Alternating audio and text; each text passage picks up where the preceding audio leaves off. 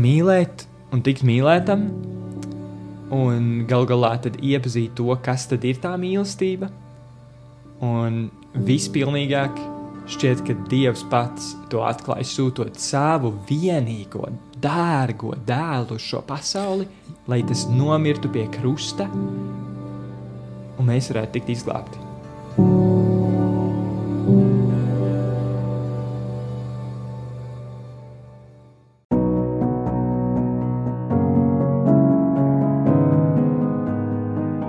Esmu Mikls Mūžēko, un tu klausies podkāstu Bībeles gaismā, kurā tev saistoši jautājumi par šodienīgo tiek atklāti un paskaidroti Bībeles brīnišķīgajā gaismā.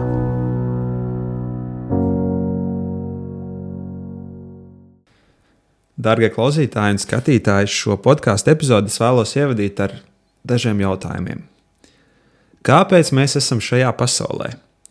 Un kāds ir katra cilvēka mērķis? Ja, piemēram, mērķis šobrīd ir šim mikrofonam, kurš dara savu darbu, vai dzēržgumijai, vai kaut vai ķemmei, tad kur nu vēl cilvēkam nebūtu vajadzīgs kāds mērķis, kas ir daudz pārāks un augstāks par šīm lietiņām? Kāda ir jēga manai dzīvei? Jūs arī taču piekritīsiet tam, ka agrāk vai vēlāk katrs cilvēks par to sāk domāt, jo tas ir ielikts cilvēka sirdī. Un Šajā epizodē mēs par to visu runāsim, un es esmu uzaicinājis šo epizodi man to draugu. Mācītājs, palīga mācītājs un misijas skolas sūta man padomus loceklis Alberts Strūts. Sveiks, Albert! Čau! Čau. Ievadā es vēlos tev pavaicāt tādu jautājumu, kādi tavuprāt ir tādi galvenie mērķi, populārākie mērķi, pēc kuriem nu, cilvēki tiecās? Šķiet, ka ļoti dažādi. Uh, domājot gan par uh, maniem vidusskolas klases biedriem, gan par cilvēkiem, kurus esmu saticis uz jā, draudzēs, un tāpat radi, un arī cilvēkus, kurus saticis stopējot. Ļoti patīk runāt ar cilvēkiem, bet iepazīt ļoti dažādus cilvēkus. Un um, šķiet, ka lielākoties ir gan um, cilvēki, kuriem saka, ka, nu jā, Mans mērķis ir vienkārši varbūt, izveidot laimīgu ģimeni, bērnus, izveidot, uzaudzināt, kurš varētu atstāt kādu mantojumu. Interesanti bija ar vienu sievieti, kuru es nostupēju, un tad viņai šķita, ka nu, ka viss ir tikai par gūšanu kaut ko sev. Mm. Es, es savukārt domāju, ka uh, lielākais prieks tomēr ir dot citiem. Un tad, jā, un tad ir šis te otrs uh, iedalījums, kas ir vairāk par došanu, par uh, ka mērķis varbūt jā, kalpot kādam, izdarīt kaut ko tiešām labu kādam citam. Um, Un tāpat, jā, viņas varētu visu kaut kā salikt, cik augsti un maziņi tie vērtīši, bet uh, um, tad ir arī mērķi, kā jā, izprast to mērķi un iepazīt debesu dievu, saprast, kāpēc esmu šai pasaulē. Un, um, jā, grandiozi mērķi. Katram savi. Um, vai tu spēj atbildēt uz jautājumu, kāpēc mums ir dāvāta dzīve? Vai vispār to ir viegli izprast? Vai tu esi par to kaut ko domājis? Jāsaka, ka esmu, bet varbūt ne tik ļoti, jo kaut kā bērnībā es esmu vispār kāpēc, kuram vienmēr vajag zināt, kāpēc, un, uh, un arī līdz ar to, kāpēc es dzīvoju. Bet, uh, Es nezinu, kāpēc, bet man ir bijis varbūt nedaudz bail bērnībā un arī jaunībā augot tā, atļauties uzdot to jautājumu, kāpēc šis, kāpēc tas. Es esmu par daudziem dzirdējis, kur tur domā, kāpēc, kas notiks, kad es nomiršu. Es par to īsti nedomāju. Bet tajā pašā laikā es zinu, ka man tas ir ļoti svarīgs jautājums. Bet tad es uh, lasīju sāku lasīt Bībeli 15 gadu vecumā. Katru, nu, pirms tam jau nedaudz, bet uh, katru dienu tā es apņēmos, ka trīs mēnešus pamēģināšu katru dienu lasīt Bībeli. Un tas man tā sāka atvērt tādu Bībeles gaismu, par ko mēs šeit runājam.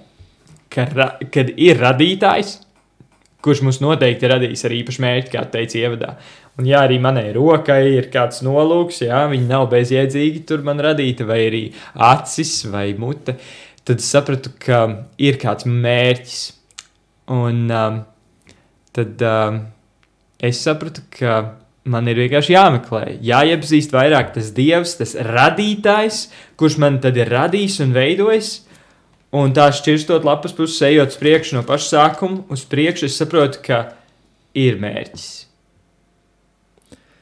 Vai es pieļauju, ka tu esi jau ticis no tā laika cauri visai Bībelē, iespējams, un ne tikai pie pirmajām lapas pusēm kavējies. Un ko tad Bībele tavuprāt saka, kā tu to sapratis? Dieva vārdu skatījums, kāds ir mērķis katra cilvēka dzīvē? Atbildot uz to pirmo pieņēmumu, man jāatzīst, es neesmu vēl ticis līdz galam. Jo man aizrauja bija vēl tā, ka es citreiz apstājos kādās uh, nodaļās un eju tad uz priekšu tikai tad, kad es tiešām esmu sapratis un sagramojis. Un tāpēc es tieši tagad pētu pašas beigas, pēc pēdējo bībeles grāmatu, Jāņa atklāsmes grāmatu pēc pieciem gadiem. Bet Bībelē var izlasīt arī ātrāk, es pieļauju. Var. var, var. Un es, bet atbildot uz to jautājumu, es esmu sapratis, ļoti man uzrunā radīšanas pats stāsts, kur um, ir sešās dienās Dievs visu, visu rada un kā pēdējo tādu radības kroni rada cilvēku pēc sava tēla un savas līdzības. Un tad nākamā diena seko šī viena svētā diena, ko Dievs iesvēta un atpūšas. Un, un viņš tur saka, tas ir pirmā mūzes otrajā nodaļā, un pirmais un otrais pants. Dievs tur raksta. Tā tika pabeigtas debesis un zeme un visu to pulki, un Dievs pabeidza septītajā dienā savu darbu, ko viņš bija darījis, un atdusējās septītajā dienā no visa sava darba, ko bija darījis. Un Dievs svētīja septīto dienu un iesvētīja to, jo viņš tajā atdusējās no visa sava darba, ko radīdams bija darījis. Un Kad es domāju par šo pirmo dienu, kā tas bija, bija radīts Ādams un Ieva, perfekta, skaista, grandioza pasaule, un tad ir šī viena diena. Un ko viņi tur darīja, un ar ko šī diena tiek piepildīta? Viņa tiek piepildīta ar svētību, mēs lasām.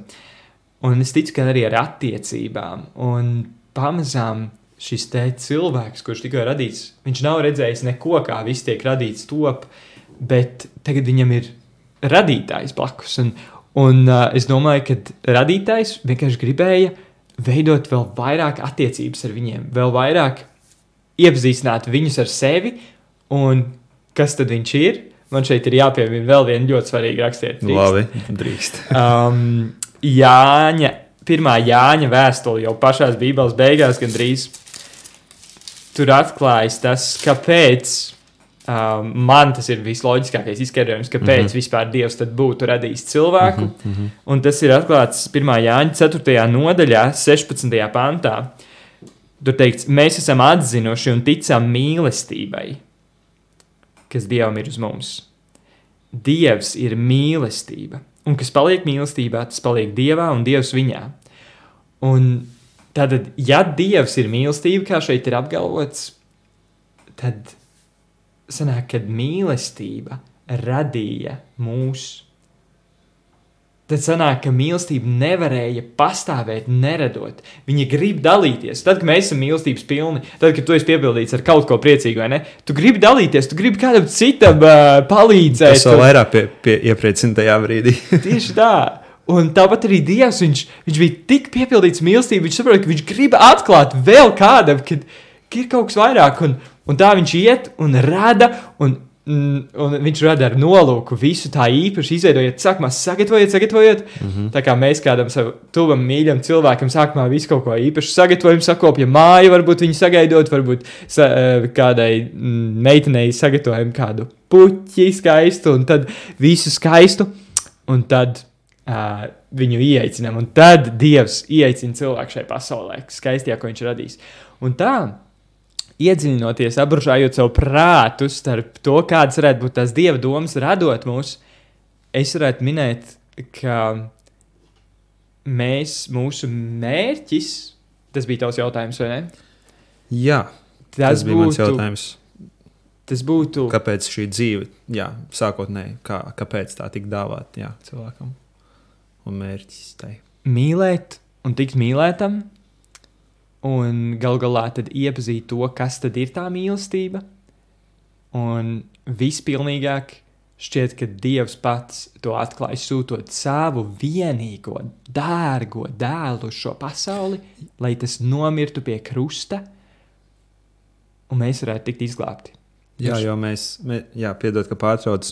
Mēs saprotam, ka tas, kas notika pirms grēkā krišanas, bija citādāk? Un notika šis grēks, un tas daudz ko pamainīja. Tāpēc to var, varbūt arī papildināt to domu, jā, vai arī dzīves mērķis mm. kaut kā pamainījās, vai, mm. vai tas palika tāpat, jo mums ir Jēzus vēl, mm. nu, ir arī klāt pie tā visa, kā tu to redzi.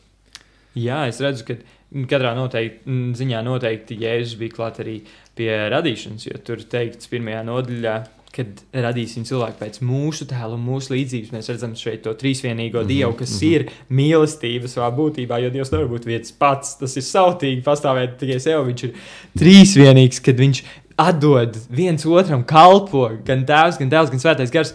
Šīs ir tādas ļoti dziļas atziņas, ko es vēl pat uh, mēģinu sagramot. Bet tad pie tā jautājuma.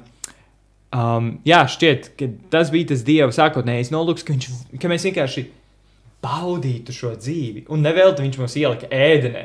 Un ēdenē, vārds ēdenē no, no oriģināla valodas, ebreju, nozīmē bauda. Viņš gribēja, lai mēs izbaudām dzīvi. Un es zinu, kādi, kas varbūt klausās tagad, saprot, ah, jā, tiešām tas ir viss, ko Dievs grib. Jā, tas ir viss, ko Dievs grib. Viņš grib vienkārši, lai mēs izbaudām dzīvi. Un labās ziņas ir tādas, ka mums nav jāšaudās un jāmēģina saprast, Kā tagad, kas tad ir vislabākais, kā izbaudīt dzīvi? Viņš ir parādījis šeit, šī grāmata, debesu autors ir devis, lai parādītu, kas ir vislabākais, kā izbaudīt dzīvi. Un tad, kad cilvēks izvēlējās ēst no šī viena vienīgā koka, no kā Dievs teica, uzticies man, tev nevajag ēst, tad uh, viņi saņēma to, ko bija pelnījuši - labā un ļaunā atzīšanu. Mm -hmm. Jo mhm. tas koks bija laba un ļauna atzīšanas koks. Un tāpēc viņiem bija jāatzīst arī ļaunums. Bet, lai izrautu no šā, lai viņus varētu glābt no bezcerīgā stāvokļa, Dievs saprata, ka viņam ir vēl spēcīgāk jāatklāj, jāatjauno šis te izpratne par viņa mīlestību. Un tāpēc viņš pats izvēlas nākt uz šo zemi, kļūt par cilvēku un nomirt cilvēka dēļ. Un tāpēc nāk prātā vēl viens pamatojums, kas vēl skaidrāk atklāja šo atbildi uz tavu jautājumu, tas mm -hmm. ir mhm. apstuļu darbos. Um, Jēzus mācekļi uh, stāstīja, kad viņi devās tur uz Atēnām, uz Grieķiju, sludināt visiem kad, par Jēzu, kad ir glābējs nācis. Un viņi uh, šeit saka, ka apstuļu darbos 17. nodaļā, 26. un 27. pāns. Viņš licis visām tautām celties no vienām asinīm un dzīvot pa visu zemes virsmu, un nosprautis noteiktus laikus un robežas, kur tiem dzīvot. Šeit jau mēs redzam, ka tātad Dievs tiešām ir ar nodomu tevi nolicis tur, kur tu esi tagad, Mik, mm. un mani tur, kur es tagad esmu. Tagad esmu tālsos, un noteiktā laikā, arī šajā 21. gadsimtā, tuvojoties zemes vēstures noslēgumam, 27. pants lai tie meklētu dievu. Te jau atklājas nedaudz vairāk, kāpēc. Lai mēs meklētu dievu, vai tie viņu varētu nojaust un atrast.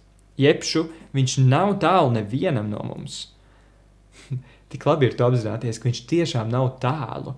Un īstenībā viņš nāk ar vien tuvāk, un tuvāk viņš tik tuvu gribēja nākt, ka viņš tiešām kļuva par cilvēku. Nomira, lai parādītu lai uzņemtos uz mums, uz sevi mūsu grēkus un mūsu vainas, mūsu bezcerību, un mums būtu cerība. Jo viņš nepalika kā viņš augšā cēlās un šodien dzīvo, un drīz nāks atkal, lai mūs ņemtu pie sevis. Bet Droši. pēc grēkā krišanas. Droši. Tātad viens ir šis te, kas ir nemainīgais Dieva plāns no sākuma līdz beigām bijis vienkārši mīlēt viņu, iepazīt viņu. Um, bet otrs ko es redzu, kas ir pēc grēkā krišanas mainījies, ir, ka Dievs, un īsnībā arī pirms tas bija, Viņš grib, lai mēs arī citiem līdzdalām šo te, kāds Viņš ir.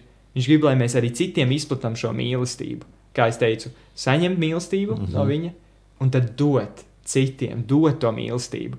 Un tāpēc Viņš grib, lai mēs arī šeit esam šajās, kas esam pēdējās dienās, šīs pasaules vēstures noslēgumā, Viņš grib, lai mēs dzīvojam arī citiem, atklājot, ka ir mīlestības dievs. Kā tu viņu caur Jēzus iepazinis? Kas, kas tev personīgi ir tavs radītājs, Dievs un, un glābējs Jēzus Kristus. Jā. Jā, šis ir labs jautājums, dziļš jautājums. Um, un es viņu turpinu iepazīt katru rītu no jauna un zini, tas ir tāda, tāda cīņa īstenībā. Tādā ziņā, ka nu, tas ir kaut kas ļoti saviņojošs, ka tu katru rītu vari vienkārši, vai katru dienu ejot un iepazīt viņu sākotnēji. Tas man bija caur cilvēkiem, ka es redzēju, draudzē arī ienākot, es redzēju, ka ir labi cilvēki. Bet tālāk tas bija caur um, arī jā, caur Dieva vārdu. Un tad man pamazām, pamazām slēdzas viss kopā. Arī dabā man ļoti patīk iet un redzēt, ka wow, viss ir tik skaisti radīts un tik perfekti radīts un tik unikāli radīts. Ka es saprotu, ka ir jābūt kādam inteliģentam, ļoti, ļoti, ļoti ekstrēmi mīlošam dievam, kurš tik kaut ko skaisti radījis. Un, um, un visvairāk jāatcer saviem personīgiem piedzīvojumiem, kad es redzu, ka Dievs tiešām atbild uz lūgšanām. Un, un tad pēdējos gados arī beidzot man tas ir saslēdzies kopā par to, ko es jau pirms tam līdzlīju ar šo te Bībeles stāstu. Tiešām, kāpēc tad Dievs bija gatavs mirt manis dēļ? Kāpēc viņš bija gatavs um, tikt zaimots un apspļaudīts un tur um, sists? tiešām manis dēļ viņš bija gatavs to paciest. Tas ir tas, kā es to piedzīvoju, kā es pamazām iepazīstu, jā, caur Jēzus personu. Bet kāpēc tev Jēzus šķiet kaut kas ļoti liels un tik pārāks par kaut ko visu citu, ka tu esi gatavs katru rītu veltīt savu laiku, lasīt par viņu dzīvi, domāt. Un, uh, jā, ka, vai viņš tev, ja ja tas tev ir kaut kas tāds, ko tev nekas cits nespēja dot, kāpēc? Kā, nu jā, kā tu to esi piedzīvojis? Šķiet, ka pirmais ir, ka viņā, iepazīstot viņu, es iepazīstu to, cik vērtīga ir mana dzīve. Tas man dod tādu spēku dzīvot tālāk, un, um, un ne tikai spēku, tas dod tādu prieku ka tu redzi, ka, ka es esmu vērtīgs, ka es esmu tik vērtīgs, ka viņš ir gatavs atdot visu sevi. Un šeit es gribu līdzdalīt arī vienu tādu man ļoti mīļu pāntu, kas atklāja, kāpēc Jēzu nevar salīdzināt ar nevienu citu. Jo mēs un daudzi šīs pasaules cilvēki, un, un arī lielajā cīņā, kad, eh, kas no, iesākās debesīs, bija šis Lucifers, kurš domāja vēl prātā, oh, es kāpšu debesīs, es būšu kā visaugstākais. Un to mēs šodien pazīstam kā sātanu, kurš tika nomests uz zemi. Bet Jēzus, kas ir Dievs, viņš Filipiešiem otrajā nodaļā ir rakstīts no 6. panta. Dieva veidā būdams, neturēja par ko iekārojumu līdzināties dievam. Viņš varēja palikt kā dievs, ja?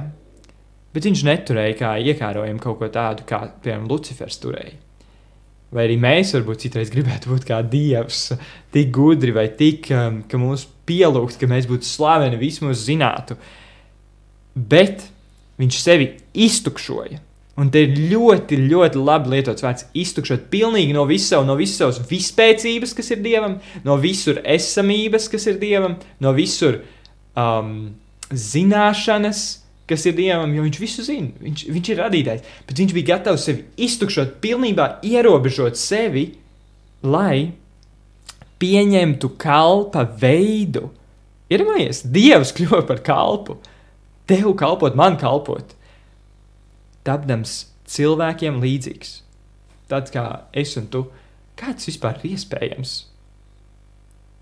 Un cilvēku kārtā būdams, viņš pazemojās.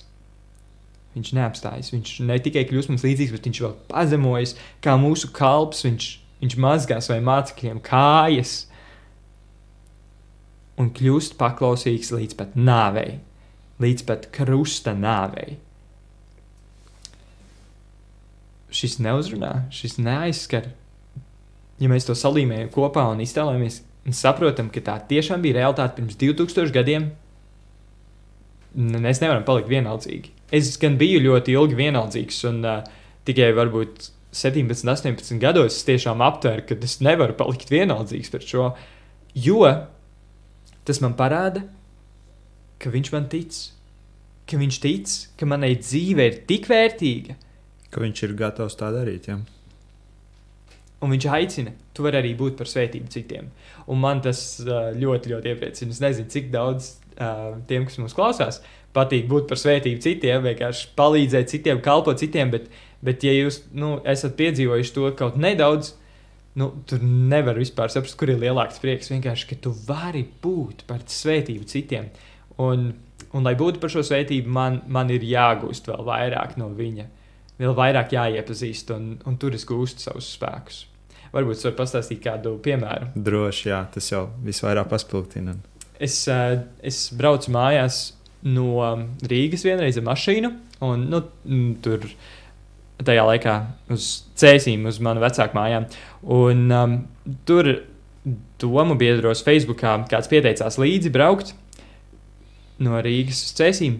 Un mēs sākam runāt, un viņš stāsta par evolūciju, kā viņš tic uh, tam, ka, jā, kad ir šie kad pie, pierādījums par ledāju kušanu stāstu un, un par visu ko. Un, un tā es vienkārši vienā brīdī pie Siguldas viņu apstādinu un saku, Klau, bet padomā, kāds ir no malas, kādu dzīvi tu labāk gribētu dzīvot? Tādu kā man, kur uh, es ticu mīlošam debesu dievam, es ticu, ka ka tas dod manai dzīvei jēgu, ka manai dzīvei ir jēga, prieks, miers man ir caur to, man ir tāda cerība nākotnē, un tas man dod spēku ikdienā. Vai arī tu gribētu labāk dzīvot tādu dzīvi, kurā īstenībā nav nekādas jēgas, jo tu esi vienkārši nejaušības rezultātā, kaut kādu likumsakarību rezultātā pēkšņi radies, tev nav nekāds īpašs nodoms, kāpēc tu šeit dzīvo.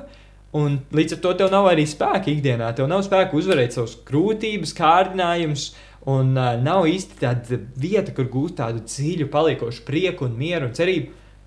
Un viņš saka, protams, ka es gribētu dzīvot tavu dzīvi.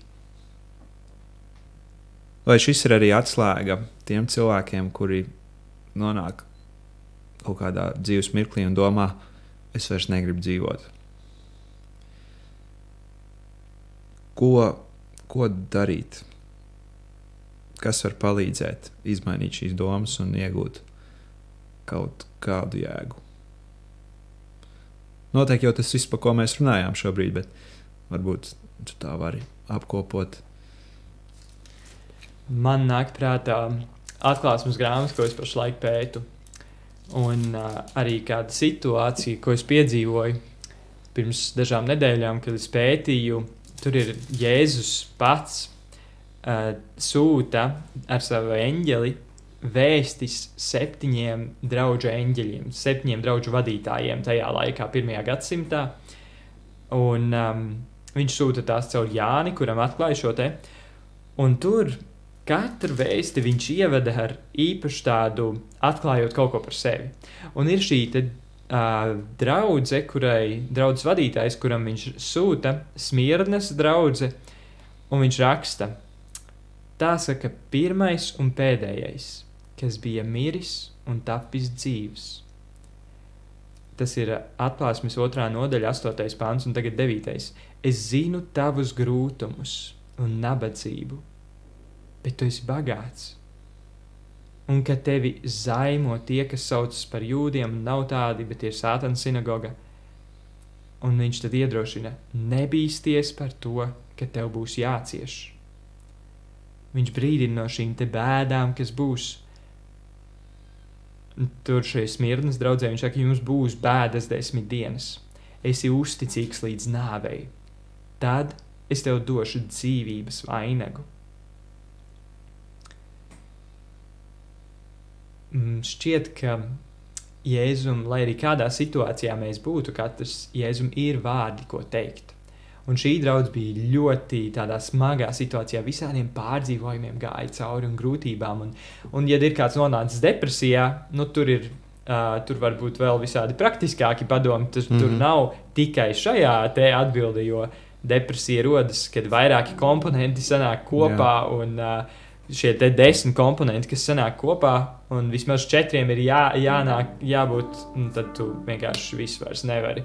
Tev ir nāk visas šīs domas, nav jēgas, un sliktākajā gadījumā šīs domas par pašnāvību, bet tas nav viss. Man ir bijuši daudzi draugi, kuri, daži draugi man ir tādi, kuri ir depresijā, ir izgājuši cauri depresijai un liecina par to, ka jā, tas var paprasīt ilgāku laiku, ne tikai dažus mēnešus, tas var paprasīt arī divus gadus.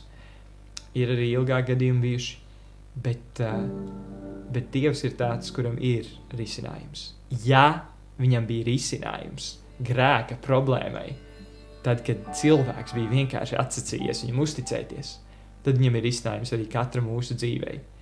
Un, un šeit viņš to parāda. Tiešām nebīsties. Vienkārši esi uzticīgs līdz nāvei. Kaut arī kāds iet grūtībām, tādām cauri, kur liekas, ka jāmirst. Tagad ir covid, un citi baidās no nāves covid dēļ. Mums nevajag baidīties, mums vajag būt uzticīgiem. Vienkārši turpināt iepazīt to, kurš mūs ir radījis. Un viņa, dzīv, viņa rokās ir mūsu dzīvība. Un tad viņš sola, viņš dos dzīvības vainagu. Un um, to, kas uzvar, neievainos otrā nāve. Kā mums dzirdēt, tas, lai dzird, ko gars saka draudzēm. Mik, bet es negribu, lai mēs beidzam bez um, kāda iedrošinājuma un uzaicinājuma īpaši tiem, klaus, kas mūs klausās. Jo um, es esmu piedzīvojis, ka man ļoti palīdz, ja kāds cits mani izaicina uz kaut ko, vai arī iedrošina, pamēģini.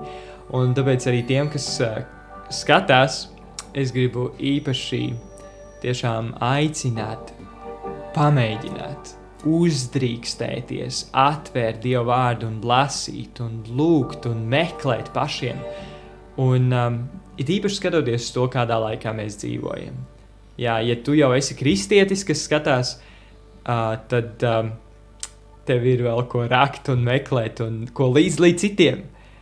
Un tiem, kuri vēl nav īsti satvēruši to dievu, tik nepārspējamu dievu, par ko stāstīt citiem, tad rocieties un meklējiet, lai varat arī citiem nest šo dzīvības maizi, dzīvības ūdeni, to, kas dod spēku un prieku.